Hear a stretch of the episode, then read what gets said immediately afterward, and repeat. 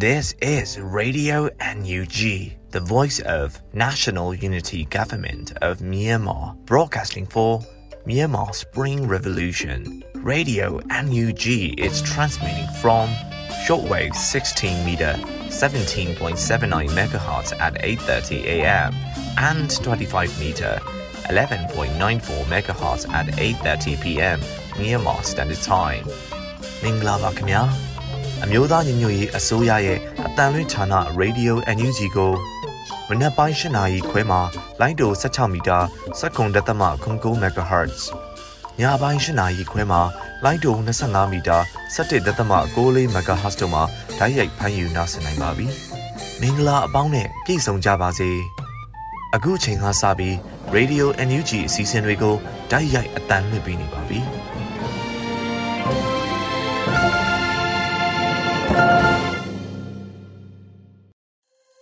မြန်မာနိုင်ငံသူနိုင်ငံသားအပေါင်းတဘာဝပြီးစစ်အာဏာရှင်ဘေးတို့ကနေကင်းဝေးပြီးဘေးကင်းလုံခြုံကျန်းမာကြပါစေလို့ရေဒီယို UNG ဖွဲ့သားများကဆုတောင်းမြတ်တာပို့သလိုက်ရပါတယ်ရှင်။ပထမဆုံးအနေနဲ့ကာကွယ်ရေးဝန်ကြီးဌာနရဲ့စီရေးသတင်းချင်းချုပ်ကိုຫນွေဦးအလင်ကမှတင်ပြပေးမှာဖြစ်ပါတယ်ရှင်။ကာကွယ်ဝင်ကြီးဌာနအမျိုးသားညီညွတ်ရေးဆိုရက 26ရက်ဇွန်လ2022ခုနှစ်ထုတ်ဝေတဲ့စစ်ရေးသတင်းချင်းချုပ်ကိုတင်ဆက်ပေးတော့မှာဖြစ်ပါတယ်။စစ်ကောင်စီတပ်သား9ဦးကြာဆုံးပြီး15ဦးထိခိုက်ဒဏ်ရာရရှိခဲ့ကြောင်းသတင်းရရှိပါတယ်ခင်ဗျာ။စစ်ကောင်စီနဲ့တိုက်ပွဲဖြစ်ပွားမှုသတင်းတွေကိုတင်ဆက်ပေးကြပါမယ်။စကိုင်းတိုင်းမှာဇွန်လ25ရက်နေ့နေ့လယ်2နာရီခန့်ကမုံရွာမြို့နယ်အနောက်မြောက်တိုင်းစစ်ဌာနချုပ်ဝင်းနေသူကနောင် PDF နဲ့ Black Dragon Special Task Force တို့ပူးပေါင်းပြီးအဖွဲ့၃ဘွဲ့ခွဲကလက်နက်ကြီးစဲလုံးနဲ့ပစ်ခတ်တိုက်ခိုက်ခဲ့ကြောင်းသတင်းရရှိပါရခင်ဗျာဇွန်လ25ရက်နေ့နေ့လယ်2:30မိနစ်ချိန်မှညနေ4:00နာရီထိတမူးမြို့နယ်တမူးမြို့ထက်ပိုင်းတမူးအောင်စရကားလမ်းဘေးရှိကွန်းတောင်ရွာနဲ့ဆရာဆန်ရွာကြားမှာစစ်ကောင်စီတပ်နဲ့ ABSDF အနောက်ပိုင်း CEU စက်မြေပြင်အင်ဂျင်နီယာတပ်ပူးပေါင်းတပ်ဖွဲ့တို့တိုက်ပွဲဖြစ်ပွားခဲ့ရာစစ်ကောင်စီတပ်သား9ဦးသေဆုံးခဲ့ကြောင်းသတင်းရရှိပါတယ်ခင်ဗျာဇွန်လ25ရက်နေ့နေ့လယ်10:15မိနစ်အချိန်ခန့်ကရွှေဘူမြို့နယ်ပုံနကုန်းကျေးရွာမှာလာတဲ့စစ်ကောင်စီတပ်သားများစိတ်ခွန်ကျေးရွာရဲစခန်းဝင်းသို့ဝင်ရောက်နေစဉ်ပြည်သူ့ကာကွယ်တပ်မတော်ရွှေဘိုခရိုင်တရင်ကတက်ခွဲသုံးတို့ကလက်နက်ကြီးနဲ့ပစ်ခတ်တိုက်ခိုက်ခဲ့ကြောင်းသတင်းရရှိပါရခင်ဗျာဇွန်လ25ရက်နေ့မနက်10:00နာရီခန့်ကရွှေဘိုမြို့နယ် ခွန်တောင်းကြီးကျွော်ရှိပြူစောတိစကန်အားပြည်သူ့ကာကွယ်တပ်ပေါင်းစုကတွားရောက်ပစ်ခတ်တိုက်ခိုက်ခဲ့ကြောင်းသတင်းရရှိပါရခင်ဗျာဇွန်လ24ရက်နေ့မနက်9:30မိနစ်အချိန်ခန့်ကရွှေဘူမြို့နယ်စိတ်ခွန်ကျွော်မှာထွက်လာတဲ့စစ်ကောင်စီအင်အား90ဦးခန့်ကိုထူးကြီးကျွော်အနီးမှာပြည်သူ့ကာကွယ်တပ်မတော်ရွှေဘူခရိုင်တရင်9ခွဲ3 CND ရွှေဘူ LDF Snake Eyes LDF Alpha 7 LDF Dowman LDF ဘူတာရိုင်း LDF PLA Z2 အရတော်ရွှေကြိုးဖြူ Flying Dragon Force LDF MDF ရွှေဘုံမူဟာပျောက်ကြားတပရင်ဖွဲ့တို့ပူးပေါင်းပြီးခြုံခိုတိုက်ခိုက်ခဲ့ရာစစ်ကောင်စီတပ်သား15ဦးခန့်ထိခိုက်ဒဏ်ရာရရှိခဲ့ကြောင်းသတင်းရရှိပါရခင်ဗျာ မန္တလေးတိုင်းမှာဇွန်လ26ရက်နေ့နေ့လယ်2:30မိနစ်အချိန်ခန့်ကမတရားမြို့နယ်မှာအထက်တို့တက်လာတဲ့စစ်ကောင်စီရင်နှန်းကိုစီအားတပိတ်ချင်းမြို့နယ်ကြောက်ဖြူရွာနဲ့လိတ်ကြရွာကြားမှာပြည်သူ့ကာကွယ်အဖွဲ့တပိတ်ချင်းလက်အောက်ခံ TPK တောစင်ရိုင်းပျောက်ကြားတပ်ဖွဲ့ကရှေ့ထွက်မိုင်း၅လုံးနဲ့ဖောက်ခွဲတိုက်ခိုက်ခဲ့ရာစစ်ကောင်စီကားတစ်စီးပျက်စီးခဲ့ကြောင်းသတင်းရရှိပါရခင်ဗျာ ဇွန်လ26ရက်နေ့မနေ့ပိုင်းကရန်ကုန်မန္တလေးအမြန်လမ်းပေါ်ရှိမိုင်းတိုင်း320အနီးမှာစစ်ကောင်စီရင်နှန်း6စီအားနထိုးကြီး People Defense Force အဖွဲ့ကမိုင်းထောင်ပေါက်ကွဲတိုက်ခိုက်ခဲ့ရာနောက်ဆုံးကားပေါ်မှာပါလာတဲ့စစ်ကောင်စီများထိခိုက်ဒဏ်ရာရရှိမှုများရှိခဲ့ကြောင်းသတင်းရရှိပါရခင်ဗျာ။ဆက်လက်ပြီးစစ်ကောင်စီကကျွလွန်တဲ့ရာဇဝမှုတွေကိုတင်ဆက်ပေးကြပါမယ်။မွန်ပြည်နယ်မှာ ဇွန်လ25ရက်နေ့ည9:19မိနစ်အချိန်ခန့်ကတထုံမြို့နယ်ထုံးပူကြီးထုံးပူလေးကျွရများအားစစ်ကောင်စီကမိရှုခဲ့ရာ24နာရီတွင်နေ152လုံးဖုန်ကြီးကျောင်းတစ်ကျောင်းကိုမိရှုဖျက်ဆီးထားခဲ့ပြီး အပြိုရွယ်မိန်းကလေးတူနဲ့ကလေးအပါအဝင်မိသားစုလိုက်ကိုတပ်ဖြတ်ထားခဲ့ပါတယ်။အမျိုးသမီးနဲ့မတန်ဆွမ်းအပါအဝင်ပြည်သူ၁၀ဦးခန့်အားညှဉ်းပန်းနှိပ်စက်တပ်ဖြတ်ခဲ့ပြီးအလောင်းများအားနေအိမ်ထဲမှာမိရှို့ထားခဲ့ကြောင်းသတင်းရရှိပါရခင်ဗျာ။ရခိုင်ပြည်နယ်မှာဇွန်လ25ရက်နေ့အထိရခိုင်ပြည်နယ်စစ်တွေပုံနှကျွန်းမြောက်ဦးကြောက်တော်စားတဲ့မြို့နယ်များမှာစစ်ကောင်စီမှဖမ်းဆီးထားတဲ့ဒေသခံအရက်သားပြည်သူ40ဝန်းကျင်ထိရှိကြောင်းရခိုင်လူ့အခွင့်အရေးကာကွယ်မြင့်တင်သူများအဖွဲ့ထံမှသိရှိရကြောင်းသတင်းရရှိပါရခင်ဗျာဇွန်လ25ရက်နေ့ညနေ4နာရီခန့်ကကြောက်ဖြူမြို့နယ်ကလန့်တဲအုပ်စုမူရှင်းကျွာမှာကိုဆိုင်ဝနကျော်နဲ့လူငယ်တူကိုစစ်ကောင်စီတပ်သားများကဖမ်းဆီးကကြောက်ဖြူခမာယာ34တရင်တို့ခေါ်ဆောင်သွားခဲ့ကြောင်းသတင်းရရှိပါရခင်ဗျာစကိုင်းတိုင်းမှာဇွန်လ25ရက်နေ့နေ့လယ်ပိုင်းကဝက်လက်မြို့နယ်ဝက်လက်မြို့နယ် မတ်သွန်းနန်တာရဲ့နေအိမ်ကိုစစ်ကောင်စီများဝင်ရောက်မှွေနှောက်ခဲ့ပြီးမတ်သွန်းနန်တာအားမတွေ့တဲ့အတွက်မိခင်ဖြစ်သူမထွေးထွေးသိန်းခေါ်မကွန်းပုံကိုဖမ်းဆီးသွားခဲ့ကြောင်းသတင်းရရှိပါရခင်ဗျာဇွန်လ25ရက်နေ့မနေ့ပိုင်းကစလင်းကြီးမြို့နယ်ဖောင်းကတာတောင်ရွာကိုစစ်ကောင်စီတပ်သားများဝင်ရောက်စီးနင်းခဲ့ပြီးရွှေမန်းဟင်းစားတောက်ဆိုင်ရှိနေကြေးရွာဖုံးကျောင်းနာမှာပြည်သူလူအားပြစ်တက်ခဲ့ပါတယ်ထို့နောက်ဖောင်းကတာတောင်ရွာမှာကိုခင်စောကိုကျော်စိုးကိုအောင်မြင့်တန်ကိုမောင်မောင် ကိုကျော်မျိုးထက်ကိုကျော်ရွှေကိုညီမီမထွေးထွေးဝင်းနဲ့အမည်မသိပြည်သူ6ဦးကိုအောင်မင်္ဂလာဘုန်းကြီးကျောင်းမှာဖမ်းဆီးထားခဲ့ပြီးကိုကျော်စိုးနဲ့ကိုကျော်ရွှေတို့ကိုပြင်းထန်စွာနှိပ်စက်ထားခဲ့ကြောင်းသတင်းရရှိပါရခင်ဗျာရန်ကုန်တိုင်းမှာဇွန်လ25ရက်နေ့ကကော်မှုမြို့နယ်မော်တော်ကြီးရွာမှာဦးမြင့်ငိမ့် NLD ရဲ့ကြီးနဲ့စနစ်တာအုပ်ချုပ်ရေးမှုအဟောင်း NLD အစိုးရလက်ထက်တို့ကို စစ်ကောင်စီဖွဲ့ဝင်များကဖမ်းဆီးသွားခဲ့ကြောင်းသတင်းရရှိပါရခင်ဗျာယခုတင်ဆက်သွားတဲ့သတင်းတွေကိုမြေပြင်သတင်းတာဝန်ခင်များနဲ့သတင်းဌာနတွေမှာဖော်ပြလာတဲ့အချက်လက်တွေပေါ်အခြေခံပြုစုထားခြင်းဖြစ်ပါတယ်ကျွန်တော်ကတော့မျိုးဦးလင်ပါပါ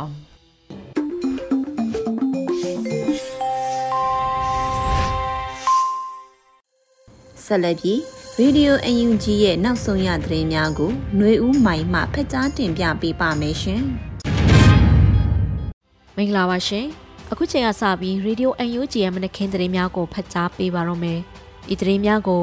Radio UNG သတင်းတောင်ခံများနဲ့ခိုင်လုံတဲ့မိဖက်သတင်းမြစ်တီစီကအခြေခံတင်ပြထားခြင်းဖြစ်ပါရရှင်ကျွန်မຫນွေဦးမိုင်ပါ Digital မြန်မာကျက် DMMK Digital မြန်မာကျက်နဲ့ UNG Pay Mobile ပတ်စံအိတ်ကိုထုတ်ဝေကြောင်းအမျိုးသားညီညွတ်ရေးအစိုးရကကြေညာတဲ့သတင်းကိုဦးစွာဖတ်ကြားပေးပါမယ်။ Digital မြန်မာကျက် DMMK Digital မြန်မာကျက်နဲ့ UNG ပဲ Mobile ပတ်စံအိတ်ကိုထုတ်ဝေကြောင်းအမျိုးသားညီညွတ်ရေးအစိုးရကကြေညာလိုက်ပါတယ်။ဇွန်လ26ရက်နေ့မှာအမိန့်ကြေညာစာအမှတ်9မြင်းဆောင်2022နဲ့စီမံကိန်းဗန္နာရင်းနဲ့ရင်းနှီးမြှုပ်နှံမှုဝန်ကြီးဌာနကပြည်ထောင်စုဝန်ကြီးကထုတ်ပြန်ခဲ့တာပါ။အကြမ်းဖက်စစ်ကောင်စီထိန်းချုပ်မှုအောက်တွင်ရှိသောငွေကြေးစစ်ဆေးမှုစနစ်များပေါ်မိခိုနေရမှုကိုအဆုံးသတ်ရန်စစ်အာဏာရှင်စနစ်အမြင့်ဖြတ်ချိန်မုံနိုင်ရဲ့အတွက် တီးခြားလွတ်လပ်၍လုံခြုံစိတ်ချရသောငွေကြေးလက်ပတ်မှုရန်များတစ်ခုကိုဖော်ဆောင်နိုင်ရန်ရည်ရွယ်၍စီမံကိန်းဗဏ္ဍာရင်းနဲ့ရင်းနှီးမြှုပ်နှံမှုဝန်ကြီးဌာနနေဖြင့်မြန်မာကျပ်ငွေနဲ့တူညီစွာတန်ဖိုးရှိသော Digital မြန်မာကျပ် DMMK Digital မြန်မာကျပ်ကိုပြည်ထောင်စုသမ္မတမြန်မာနိုင်ငံတော်၏တရားဝင် Digital ငွေကြေးအဖြစ်သတ်မှတ်ထုတ်ဝေလိုက်တယ်လို့ဖော်ပြပါရှိပါတယ်။ Digital မြန်မာကျပ် DMMK Digital မြန်မာကျပ်နဲ့တွဲဖက်အသုံးပြုရမည့် NUG Pay Mobile ပတ်စံအိတ်ကိုလည်းတပါးရီထုတ်ဝေလိုက်တယ်လို့ဆိုပါတယ်။ Federal Democracy ပြည်ငယ်အစိတ်ပိုင်းနှင့်ကြားကာလဖွဲ့စည်းပုံအခြေခံဥပဒေဆိုင်ရာစီမံကိန်းအခန်းလေးပုံမှန်25ပုံမှန်ခွဲခါခွေအရပြည်ထောင်စုအစိုးရအဖွဲ့၏သဘောတူညီချက်ဖြင့်ဤအမိန့်ကြော်ညာစာကိုထုတ်ပြန်လိုက်တယ်လို့စီမံကိန်းဘာနာရေးနဲ့ရင်းနှီးမြှုပ်နှံမှုဝန်ကြီးဌာနကဖော်ပြပါရရှင်။ ဆက်လက်ပြီးစစ်ကောင်စီတပ်တွေဟာစစ်ဥပဒေနှစ်ခုလုံးကိုပြောင်ပြောင်တင်းတင်းချိုးဖောက်နေတယ်လို့တရားရေးဝန်ကြီးဦးသိန်းဦးပြောကြားလိုက်တဲ့သတင်းကိုတင်ပြပေးပါမယ်။စစ်ကောင်စီတပ်တွေဟာစစ်ဥပဒေနှစ်ခုလုံးကိုပြောင်ပြောင်တင်းတင်းချိုးဖောက်နေတယ်လို့တရားရေးဝန်ကြီးဦးသိန်းဦးကပြောကြားလိုက်ပါတယ်။ဇွန်လ26ရက်ကကျင်းပတဲ့နိုင်ငံတော်တစ်မှာစစ်ကောင်စီတပ်သားတွေကိုဘလို့ဥပဒေတွေနဲ့အရေးယူတင်တယ်လေခေါင်းစဉ်နဲ့ကျင်းပတဲ့စကားဝိုင်းမှာတရားရေးဝန်ကြီးကပြောပါတယ်။ စစ်ကောင်စီတပ်တွေဟာစစ်ဥပဒေတွေကိုလိုက်နာရမယ့်တာဝန်ရှိပါတယ်။ဒါပေမဲ့လို့လည်းကြည့်တဲ့အခါကျတော့အကြမ်းဖက်စစ်အုပ်စုရဲ့စစ်ကောင်စီတပ်တွေဟာလုံးဝလိုက်နာခြင်းမရှိဘဲဂျနီဗာလောတွေဟိတ်လောတွေကိုချိုးဖောက်နေရဲဆိုတာတွေ့ရမှာဖြစ်ပါတယ်။လိုက်နာရမယ့်တာဝန်ရှိတယ်။မလိုက်နာပဲပြောင်ပြောင်တင်းတင်းသူတို့ချိုးဖောက်တယ်။ဘာကြောင့်လဲဆိုတော့သူတို့ရေမှန်းချက်တွေစိတ်တက်တွေပျောက်သွားတာဖြစ်ပါတယ်လို့ဝင်းကြီးကပြောပါတယ်။အကြမ်းဖက်စစ်တပ်ဟာနိုင်ငံတော်အာဏာကိုသိမ်းယူပြီးနောက် ယနေ့အချိန်ထိလူပေါင်း2000ကျော်ကိုတပ်ဖြတ်ခဲ့ပြီးဖြစ်ပါတယ်။ဒါအပြင်အရက်သားများကိုဝရမပါပဲစစ်တပ်ကကိုထိလက်ရောက်ရိုက်နှက်ဖမ်းဆီးခြင်းတင်းသက်နဲ့ပြစ်ခတ်တပ်ဖြတ်ခြင်းအရက်သားများကိုအရှင်လက်လက်မိရှုတပ်ဖြတ်ခြင်းတို့ကျူးလွန်ခဲ့ပြီး၎င်းပမာဏဟာလူပေါင်း180ကျော်ရှိပါတယ်ရှင်။ဆက်လက်ပြီးအလုတ်တင်ဆရာဝန်တစ်နှစ်ဆင်းပြီးသူများအားလုံး စေးတက္ကသိုလ်တဲ့ယာယီတက္ကသိုလ်ကောင်စီကထုတ်ပေးမဲ့ယာယီပွဲလက်မှတ်များလျှောက်ထားနိုင်တယ်လို့ကျမ်းမာရေးဒူဝင်ကြီးဒေါက်တာရွှေပုံဆိုလိုက်တဲ့သတင်းကိုဖတ်ကြားပါမယ်။အလုတ်တင်ဆရာဝန်တစ်နှစ်ဆင်းပြီးသူများအားလုံးစေးတက္ကသိုလ်တဲ့ယာယီတက္ကသိုလ်ကောင်စီကထုတ်ပေးမဲ့ယာယီပွဲလက်မှတ်များလျှောက်ထားနိုင်တယ်လို့ကျမ်းမာရေးဒူဝင်ကြီးဒေါက်တာရွှေပုံကပြောပါရယ်။ဇွန်လအတွင်း၎င်းလူမှုကွန်ရက်မှာကျမ်းမာရေးဝန်ကြီးဌာနဒူးဝင်ကြီးဒေါက်တာရွှေပုံကရေးသားပြောကြားခဲ့ပါတယ်။ အလုတ်တင်ဆရာဝန်တစ်နှစ်ဆင်းပြီးသူများအားလုံးယာယီပွဲလက်မှတ်လိုချင်သူများရှောက်ထားနိုင်ပါတယ်။ယာယီပွဲလက်မှတ်ရပြီးပြီဆိုရင် Federal Health Professional Council မှာ Federal စမှာဆက်လက်လျှောက်ထားနိုင်မှာကြောင်းအသိပေးတင်ပြအပ်ပါတယ်လို့ဒူးဝင်ကြီးကဆိုပါတယ်။ဒါအပြင်မဟာသိပ္ပံအောင်မြင်ပြီးစီသူများလည်းသက်ဆိုင်ရာတက္ကသိုလ်များ၏ယာယီတက္ကသိုလ်ကောင်စီများနဲ့ချိတ်ဆက်ပြီးယာယီမဟာသိပ္ပံပွဲလက်မှတ်များလျှောက်ထားနိုင်မှာဖြစ်ပါတယ်။ စေတက္ကသိုလ်တက်ကယာယီတက္ကသိုလ်ကောင်စီကယာယီပွဲလက်မှတ်များထုတ်ပေးမိဖြစ်ကြောင်းဇွန်လ25ရက်မှာစေတက္ကသိုလ်တက်ကယာယီတက္ကသိုလ်ကောင်စီကတရားဝင်ဆိုပါတယ်။ဘွဲကြိုဘွဲလွင်ចောင်းသားចောင်းသူများအနာဂတ်အလုပ်ကိုင်းတဲ့ပညာရေးခွင့်လန်းများဆုံးရှုံးမှုမရှိစေရန်ရည်ရွယ်၍ယာယီဘွဲလက်မှတ်များထုတ်ပေးမယ်လို့ယာယီတက္ကသိုလ်ကောင်စီကထုတ်ပြန်ထားပါတယ်ရှင်။တောင်ကိုရီးယားနိုင်ငံကပေးအပ်တဲ့ Park Jong-chul လူအခွင့်အရေးအထူးစုဒေါက်တာတေဇာဆန်ရရှိတဲ့တဲ့ရင်ကိုဆက်လက်တင်ပြပေးပါမယ်။တောင်ကိုရီးယားနိုင်ငံကပေးအပ်တဲ့ Park Jong-chul လူအခွင့်အရေးအထူးစုဒေါက်တာတေဇာဆန်ရရှိခဲ့ပါတယ်။18ချိန်မြောက် Park Jong-chul လူအခွင့်အရေးစုအတွက်ဒေါက်တာတေဇာဆန်ကိုအထူးစုချီးမြှင့်တယ်လို့စုအကဲဖြတ်ကော်မတီကနေသတင်းထုတ်ပြန်ပါတယ်။ရခိုင်နှစ်က Park Jong-chul လူအခွင့်အရေးစုကိုလည်းဒီမိုကရေစီအတွက်စစ်တပ်နဲ့ရင်ဆိုင်တိုက်ပွဲဝင်နေကြရတဲ့ မြန်မာပြည်သားများကိုပေးအပ်ခဲ့ပါတယ်ရှင်။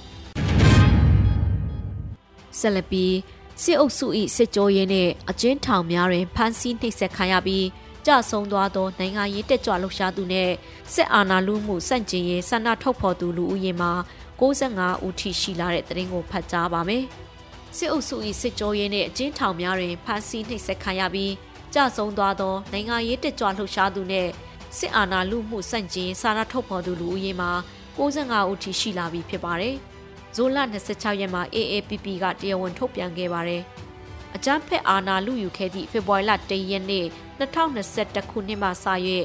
ယနေ့အထိစစ်အုပ်စု၏စစ်ကြောရေးနှင့်အကျဉ်းထောင်များတွင်ဖမ်းဆီးနှိပ်စက်ခံရပြီးကြောက်ဆုံးသွားသောနိုင်ငံရေးတကြွလှုပ်ရှားသူနှင့်စစ်အာဏာလုမှုစန့်ကျင်ရေးဆန္ဒဖော်ထုတ်သူလူဦးရေမှာ65ဦးထိရှိပြီဖြစ်တယ်လို့သိရပါတယ်။ စစ်အုပ်စုအနေနဲ့ထင်ရှားသောနိုင်ငံရေးတက်ကြွလှုပ်ရှားသူများကိုသာညှဉ်းပန်းနှိပ်စက်မှုကိုပြုလုပ်သည်မဟုတ်ပဲ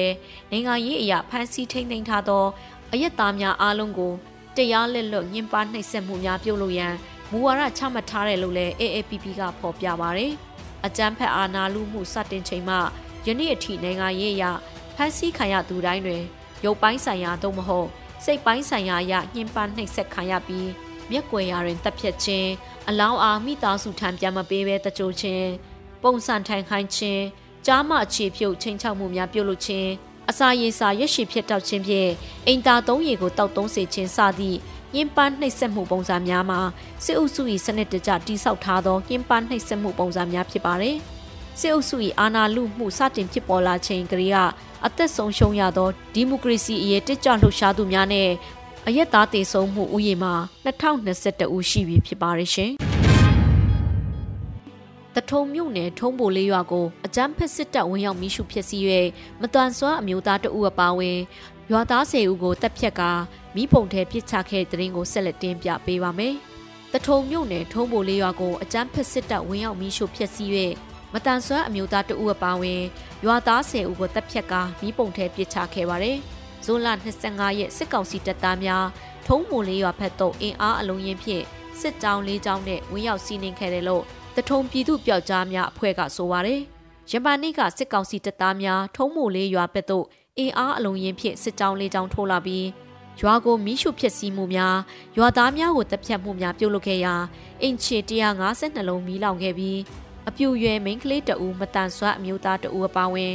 ရွာသား10ဦးကိုငင်းဖမ်းနှိပ်စက်တပ်ဖြတ်ပြီးလောင်ကျွမ်းနေသောမိပုံထဲသို့ပစ်ချခဲ့ကြောင်းသိရပါတယ်လို့တထုံပြည်သူပျောက်ကြားများအဖွဲ့ကဖော်ပြပါတယ်။ကာကွယ်တပ်ဖွဲ့များအကောင်းဆုံးခုခံတိုက်ခတ်ခဲ့ပါတော့လဲလက်နက်ခဲယမ်းလုံလုံလောက်လောက်မရှိမှုကြောင့်စစ်ကောင်စီစစ်ကြောင်းတစ်ခုပေါက်သွားပြီးယခုခေတ်သို့ရွာမီးရှို့ဖြစ်စည်းခံခဲ့ရတယ်လို့ထုတ်ပြန်ထားပါတယ်ရှင်။ဆက်လက်ပြီးမတရားမြို့နယ်ဖက်မှအထက်သို့တက်လာသည့် စစ်ကောင်စီရင်နှန်းကိုစီအားတပိတ်ချင်းမြို့နယ်ကြောက်ဖြူရွာနဲ့လိတ်ကြရွာကြားတွင်မိုင်းခွဲတိုက်ခိုက်တဲ့တရင်ကိုတင်ပြပေးပါမယ်။မတရားမြို့နယ်ဖက်မှအထက်သို့တက်လာသည့်စစ်ကောင်စီရင်နှန်းကိုစီအားတပိတ်ချင်းမြို့နယ်ကြောက်ဖြူရွာနဲ့လိတ်ကြရွာကြားတွင်ကာကွယ်တပ်များကမိုင်းခွဲတိုက်ခိုက်ခဲ့ပါတယ်။ဇွန်လ26ရက်နေ့လယ်တနာရီခန့်ကမတရားဖက်မှအထက်သို့တက်လာသောစစ်ကောင်စီရင်နှန်းကိုစီအားတပိတ်ချင်းမြို့နယ်ကြောက်ဖြူရွာနဲ့လိတ်ကြရွာကြားတွင်ကျွန်တော်တို့ TVK တောစင်ရိုင်းပြောက်ကြားတပ်ဖွဲ့မှ ရှစ်ထွက်မိုင်း၅လုံးဖြင့်ဖောက်ခွဲတိုက်ခိုက်ခဲ့ပါတယ်လို့ပြောပါရယ်ဖောက်ခွဲတိုက်ခိုက်မှုကြောင့်စစ်ကောင်စီတပ်များအသေးပြောက်နဲ့ရင်းအပြက်စီးရှိနိုင်ပြီးရဲဘော်များလည်းအောင်မြင်စွာဆုတ်ခွာနိုင်ခဲ့ပါတယ်အထိခိုက်အပြက်စီးကိုမူတိတိကျကျမသိရသေးပေမဲ့လည်းဇက်ရက်ကွင်းဘက်သို့ဖြတ်မောင်းသွားသည့်ရင်နှမ်းမှာရှစ်စီးသာရှိရလို့သိရပါတယ်ရှင်။ကလေးမြို့နယ်ပြည်သူ့ရဲတပ်ဖွဲ့ KPS အခြေစိုက်စခန်းတရှိရာနေရာများမှာ 6လတာအတွင်းဖမ်းဆီးရမိသောမူရစ်စေဝါများကိုမိရှုဖျက်ဆီးတဲ့တဲ့ရင်ကိုဆက်လက်တင်ပြပေးပါမယ်။ကလေးမြို့နယ်ပြည်သူ့ရဲတပ်ဖွဲ့ KPS အခြေစိုက်စခန်းတရှိရာနေရာများမှာ6လတာအတွင်းဖမ်းဆီးရမိသောမူရစ်စေဝါများကိုမိရှုဖျက်ဆီးခဲ့ပါတယ်။ဇိုလ26ရက်နေ့တွင်ကြာရောက်သော35ကြိမ်မြောက်အပြည်ပြည်ဆိုင်ရာမူရစ်စေဝါအလွဲသုံးမှုနဲ့တရားမဝင်ရောင်းဝယ်မှုတိုက်ဖျက်ရေးနှင့်အထက်အမှတ်ဖြစ် အမျိုးသားညီညွတ်ရေးအစိုးရပြည်ထရေးနဲ့လူဝင်မှုကြီးကြပ်ရေးဝန်ကြီးဌာနအောက်ရှိကလေးမြို့နယ်ပြည်သူ့ရဲတပ်ဖွဲ့ KPS က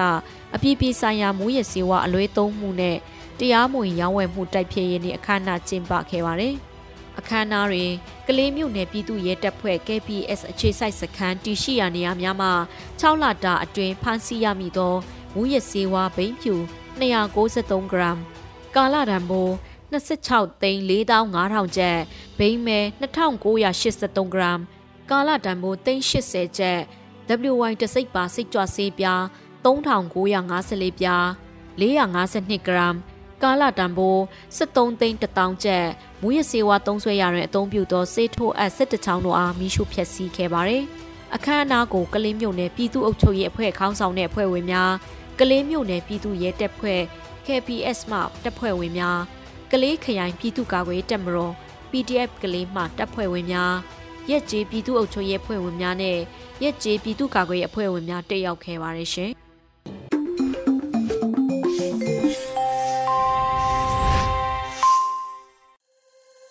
ဆက်လက်ပြီးတခင်အန်ရေးသားတင်ဆက်ထားတဲ့ပြည်သူမြတ်တာစုရင်နိုင်ငံရေးမှာဖြည့်ဆည်းမရှိဘူးဆိုတဲ့ဆောင်းပါးကိုနားဆင်ကြရမှာဖြစ်ပါတယ်ရှင်။ပြည်သူမြတ်တာစူးရင် နိုင်ငံရေးမှာဖြည့်စည်းမရှိဘူးနိုင်ငံရေးဟာပြည်သူအရေးဖြစ်တယ်လို့ပြည်သူအရေးဟာလည်းတိုင်းပြည်အရေးတနည်းအားဖြင့်နိုင်ငံအရေးကြီးပါပဲတိုင်းပြည်နိုင်ငံတစ်ခုရဲ့အချုပ်အခြာတယံဇာတရေမြေတောတောင်အားလုံးရဲ့မူလပိုင်ရှင်အစ်စ်ဟာပြည်သူပါပဲနိုင်ငံရေးသို့မဟုတ် နိုင်ငံရေးခေါင်းစဉ်အောက်ကပုံစံအမျိုးမျိုးလှုပ်ရှားမှုအမျိုးမျိုးလှုပ်ဆောင်နေကြသူများအနေနဲ့မိမိတို့တူးတယောက်ချင်းအဖွဲတစ်ခုချင်းတို့ရဲ့ယုံကြည်ချက်ခံယူချက်ရက်တီချက်လှုပ်ဆောင်ချက်မတူညီကြတာရှိနိုင်တော့လေငါအတွက်ငါအဖွဲ့အစည်းအတွက်ငါပါတီအတွက်ထက်အဓိကပန်းနိုင်ဖြစ်တဲ့ အမှန်တကယ်ပြည်သူအကျိုးကို ရှေ့ရှုလှုပ်ဆောင်ကြဖို့အထူးအရေးကြီးလာပါတယ်လက်ရှိတိုင်းပြည်အရေးသို့မဟုတ်နိုင်ငံအရေးသို့မဟုတ်ပြည်သူအရေးကြီးဖြစ်တဲ့မိမိတို့ຫນွေဦးတော်လှန်ရေးကြီးမှာပြည်သူမြတ်တာရှင်များနဲ့ပြည်သူမြတ်တာစူးမဲ့သူများဆိုပြီးလူဒန်းစားနှမျိုးကို တွေးကြရပါလိမ့်မယ်ပြည်သူမြတ်တာရှင်တွေက ဘယ်သူတွေလဲပြည်သူကိုချစ်သောပြည်သူကချစ်သောမိမိအရေးထက်တိုင်းပြည်အရေးနိုင်ငံအရေးပေါ်ဘဝတစ်ခုလုံးပေးဆက်ထားကြတဲ့လူမှုခေါင်းဆောင် အမေစုနဲ့တမရာကြီးဦးဝင်းမြင့်အပါအဝင်နိုင်ငံရေးခေါင်းဆောင်များတက်ကြွလှုပ်ရှားသူများယနေ့စစ်အာဏာရှင်ဘေးရန်ကပြည်သူကိုအသက်ဆုံးကယ်တင်ပေးနေကြတဲ့ ပြည်သူကာကွယ်ရေးတပ်မတော် PDF ပြည်သူရဲဘော်များပြည်သူအစိုးရ NUG နဲ့ပြည်သူအတွက်နှစ်ပေါင်းများစွာလက်နက်ဆွဲကင်ပြီးစစ်အာဏာရှင်ကိုတွန်းလှန်နေကြတဲ့တိုင်းသားအဖွဲ့အစည်းများကတော့ပြည်သူအသေးနှလုံးများတနည်းအားဖြင့်ပြည်သူမေတ္တာအပြည့်အဝရရှိသူများပဲဖြစ်ကြပါတယ်ဒီလိုပုံကိုယ်တွေကတော့အသက်ရှင်နေစဉ်မှာလဲပြည်သူမေတ္တာကြောင့် သူတို့ရဲ့ဂုံတရင်ရနံ့တွေဟာမှုေးကြိုင်တယ်လို့သူတို့အသက်သေးသွားခဲ့ရင်တော့ပြည်သူကြားမှာနာမည်မသေးတဲ့ပြည်သူမေတ္တာရှင်တွေအဖြစ်ထာဝရရှင်သန်နေပါတယ်ပြည်သူမေတ္တာစူးမဲ့သူတွေကဘသူတွေလဲပြည်သူမေတ္တာစူးပြီးပြည်သူအမုန်းများပိုက်လို့လူမသေးသေးပင်မဲ့အပုပ်နဲ့တထောင်းထောင်းနဲ့ အသက်ရှင်နေရမဲ့သူတွေကတော့တစ်နေတိုင်းအချိန်တိုင်းပြည်သူအလုံးကမင်းအောင်လှိုင်စစ်တပ်နဲ့အပေါင်းပါများအမြန်ဆုံးကြာဆုံးပါစေဆိုပြီးမြစ်တာပို့ခံနေရတဲ့မာလာစစ်မိတ်ဆာများနှစ်ယနေ့အခြေအနေကဲ့သို့မြန်မာပြည်ကို အလုံးစုံကြာဆုံးပျက်စီးစေခဲ့သောအဓိကသမိုင်းတရခံ ကျန်းဖို့ပါတီနဲ့အပေါင်းပါများ၃အမျိုးဘာသာသာသနာဆိုတဲ့ဂျင်းဝါရမှိုင်းအောက်မှာကိုဘာသာကိုသာသနာကိုယ်တိုင်ဖြည့်ဆည်းနေကြပြီဘယ်ဖျားမှမကယ်နိုင်တော့တဲ့ဘာသာရေးကောင်းဆောင်အချို့၄ယုံကြည်ချက်ခံယူချက်ယက်တီချက်သိက္ခာတရားတွေကိုတနတ်စာရိတ်ခါနဲ့လဲပြီး မာလာစစ်ဖက်နဲ့ရှာနဲ့ပြေးရကြတဲ့အဖွဲ့များငါမူလကလေးကတတိမမှန်နဲ့အခွင့်အရေးသမားတာကူးနိုင်ငံရေးသမားများ6ဘသူတည်တည်ငတီတို့မာရင်ပြီးရောဆိုတဲ့စစ်အုပ်စုရဲ့အယိုးရင်ကြိုက်နေရတဲ့ခရိုနီများဒီမိစ္ဆာတတိုက်ကတော့နိုင်ငံအရေးပြည်သူအရေးဆိုပြီး ပါဇက်နဲ့စအိုမှားပြောသလားထင်ရလောက်အောင်စိတ်သက်လှုပ်ချက်ဟာကဘာပေါ်မှာနှိုင်းเสียမရှိတော့အောင်အောက်တန်းကြာလွန်သူတွေပါအဓိကပြောချင်တာကနေဘယ်အသီးသီးမှာခေါင်းစဉ်အမျိုးမျိုးတက်ပြီးပြည်သူအရေးသို့မဟုတ်နိုင်ငံအရေးလှုပ်ဆောင်နေကြသူများအထူးသတိချက်ရမှာပြည်သူအကျိုးကိုရှေ့ရှုပြီးရိုးရိုးသားသားစေတနာအမှန်နဲ့ ကိုကျိုးစွအနှစ်နာခံလောက်ကင်နေကြသူမှန်သမျှသည်ပြည်သူမေတ္တာရှင်များဖြစ်ကြပြီပြည်သူပေါ်မယိုးမသားငါအတွက်ငါမိသားစုအတွက်ငါပါတီငါအဖွဲ့အစည်းကောင်းစားရေးကိုသာရှေးရှုကြရင်တော့ပြည်သူမေတ္တာစူပါလိမ့်မယ်အထူးပြောချင်တာကတော့ပြည်သူမေတ္တာစူးရင်နိုင်ငံရေးမှာဖြည့်စည်းမရှိဘူးဆိုတာမြင်းမြင်းမှတ်ကြပါတော့လို့သာ ပြောပါရစေအရေးတော်ပုံအောင်နေပါပြီသခင်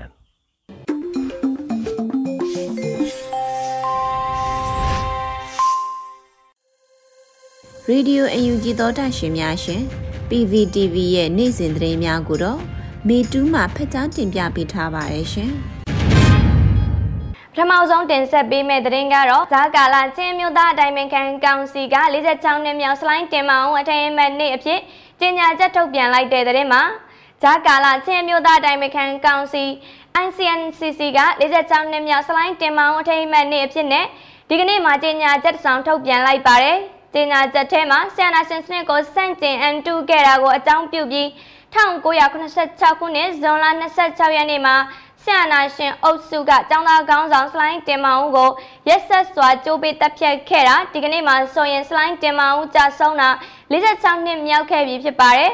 မြမတက်မတော်အခြေပြုဆရာနာရှင်စနစ်ကနီလန်မျိုးစုံတွေနဲ့နှစ်ပေါင်း60ကျော်ကြာချင်းပြည်အပါအဝင်ပြည်အောင်စုမြန်မာနိုင်ငံတစ်ခုလုံးကိုမတရားဖိနှိပ်အုပ်ချုပ်ခဲ့ပြီး Federal Democracy စနစ်ကိုတဆင့်ပြီးတဆင့်တိုးတက်ပြောင်းလဲနိုင်ရန်ကြိုးပမ်းမှုတွေကိုမျက်ကွယ်ပြုက